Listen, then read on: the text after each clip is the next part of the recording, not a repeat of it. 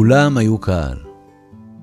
כשקראתי לאחרונה על לוליין שחצה קילומטר בהליכה על חבל דק בין שני בתים בגובה 3,000 מטר או משהו, וכשחזר הביתה לא שב לעשות את זה יותר מרוב פחד, נתקפתי כמוהו חרדה.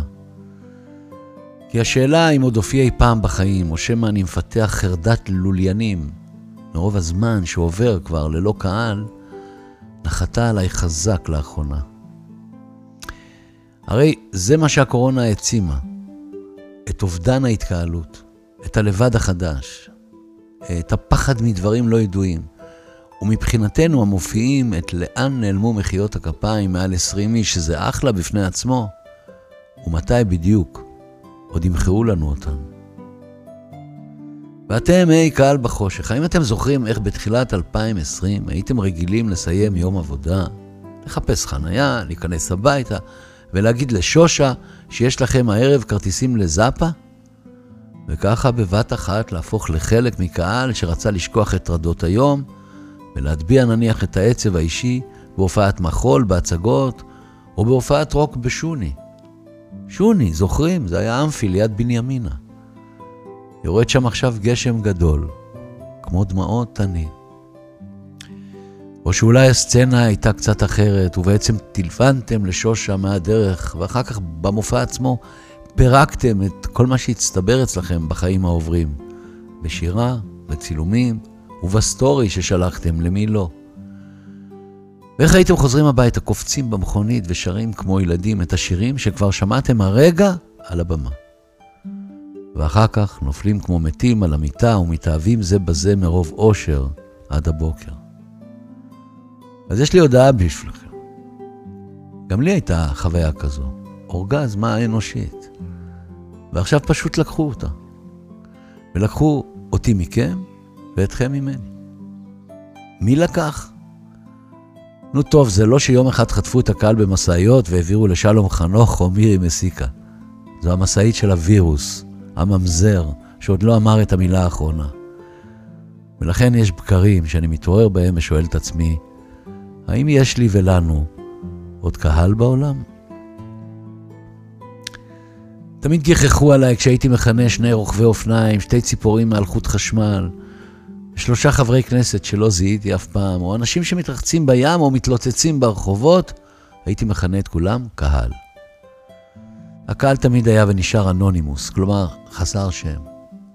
אבל מצד שני, מבט אחד אמיתי בעיניים במפגש בין קהל וזמר, ייצר לנו קיום. מבט אחד. אז כשעמדתי על הבמה, תמיד הזכרתי לעצמי, גם להביט בעיניים וגם שהקהל בחושך גר בבתים, עובד בעבודות, מגדל את ילדיו, כואב, בוכה, צוחק. והייתי מחפש עיניים בזמן ששרתי, ועיניים היו מחפשות אותי ואת הלהקה המנגנת. אתם יודעים, לא מזמן ראיתי סרט דוקו על זמר מצליח בשם שון מנדז. ובאיזשהו רגע הוא נכנס לאיצטדיון הענק המפוצץ בקהל, שהאיר לו את דרכו בפלאפונים, ואופס נזכרתי שגם אני זכיתי בחיים לכניסות מפוארות ומוארות כאלה. ושלולא הקהל היינו השון הזה ועוד מלא שונים אחרים נהיים נקניקים ששרים לבד בחדר לקירות. אז אולי עוד לא נאמרה המילה האחרונה על האין קהל בימים האלה. ואולי מכאן מתחיל הסיפור, מזה שלוקחים לך אותו כאמור לפתע. טוב, זה תמיד היה סיפור על אהבה וזוגיות. כלומר, התאהבות קשה בהתחלה, אחר כך מתרגלים. ולא פעם נמאס ממך ועוברים לזמר אחר. אבל היה שם גם מושג שנקרא אומנות ונאמנות, עליו שמחתי כל החיים כשהמשכתי לשיר. ולא, לא, לא, בשום פנים לא שינה לי מאיפה באתם. כלומר, מאיזה עיר או כפר, או מאיזה מוצא או גיל. אני תמיד אמרתי שלא בודקים קהל בציציות. לא דרכונים, לא חום בכניסה, לא השכלה, לא עוני, עושר או דעות פוליטיות. אם באתם להופעה, זה היה סימן שאתם אוהבים לאהוב את עצמכם, את החיים, למשש את הלב, להתחבק במוזיקה. וכן, תמיד ידעתי שיש על מי לסמוך, כשאני אעלה כמו קפצון על הכיסאות כדי לשיר. כי תמיד היה שם בשבילי מישהו בעילום שם שנקרא קהל. הוא אחז לי ביד שלא אפול. ואולי בעצם זו מהות חיינו יחד. כי מעבר ללהוריד מדען איראני, או לכבוש את דובאי ולקנות הכל ב Black Friday, אולי המהות היא עדיין להחזיק ידיים בנפילות. זה קצת תמים? יכול להיות. אבל כשאני חושב על זה, כבר תשעה חודשים אין אמפי, אולמות תיאטרון ומוזיאונים. קיסריה? הצחקתם אותה.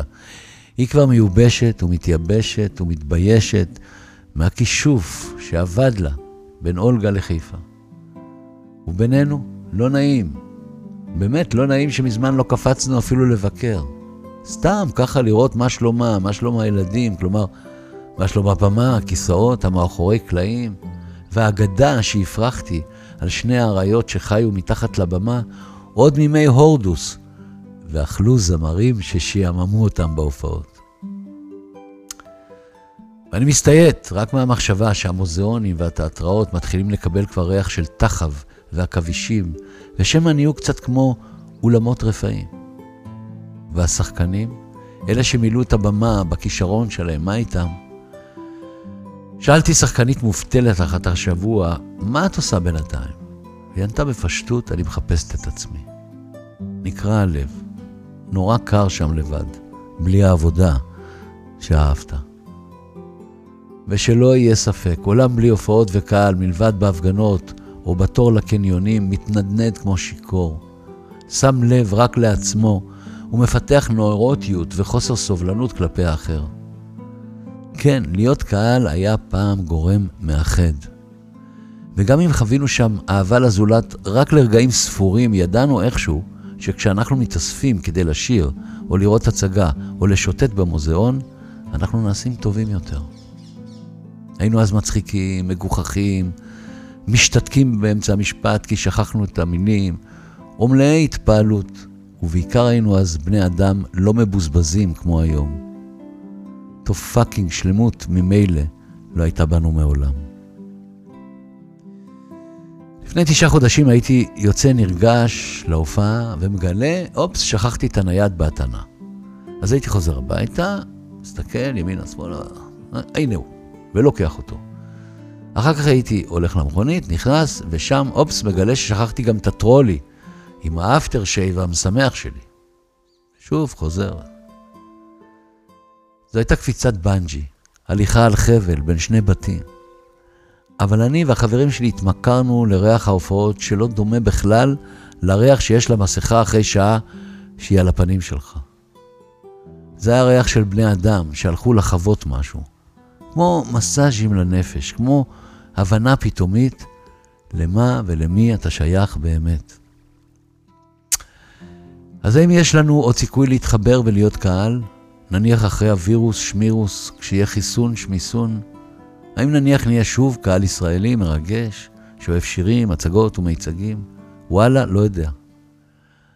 אני רק מתנחם בכך שבשנת 1991 הלכתי לטיפול כי היו לי חלומות זוועה שהקהל בורח לי באמצע ההופעות. ושבסוף הכל הסתדר, והם חזרו אליי ב-1992, אוהבים ומפרגנים. פרגון, זוכרים את המילה הקולקטיבית הזאת? פרגון? לפני כמה שנים, כשהכול היה קניון אחד גדול שנקרא עולם פתוח, נכנסתי לנגב חומוס במסעדה בתל אביב, וישב שם הזמר שרל אזנבור.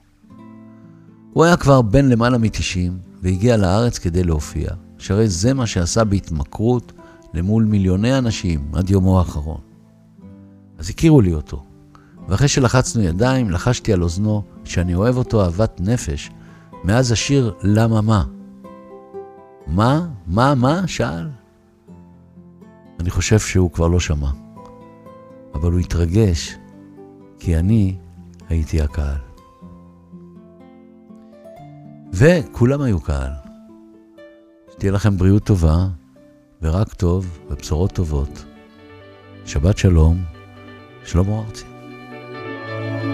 הייתי אז הכי קטן בעיר, הכי קטן בעיר. ובשובי מהרחובות אבי הניף שלטים מסוג פוליטיקאים מושחתים תמיד מתחלפים רק חברים אמיתיים לנצח לא התחלפו הייתי כבר רעב לשיר, רעב לשיר. שרתי עם כל החברים שלי על גג מוזר מול הנהר. השאלה הייתה מי יהיה פה כדי לאסוף את השברים. מי יתחתן עם מי ומי יהיה זמר.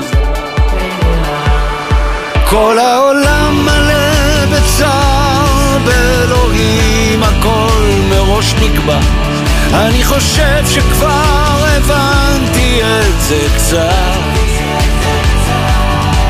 ליד מרכז הספורט אמרה לי בוא נלך, או אני קצת רבע.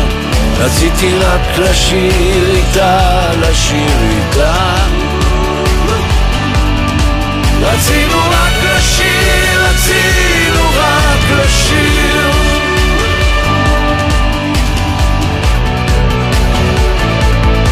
אני זוכר את הימים, את הלילות, גשמים גדולים.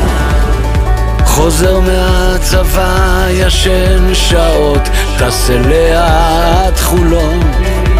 תיקח קפה, הציע לי כשקמתי קפוא מתגרם. אין כמו הערבה, אז בוא לא ניפרד היום. כל העולם מלא בצער, באלוהים.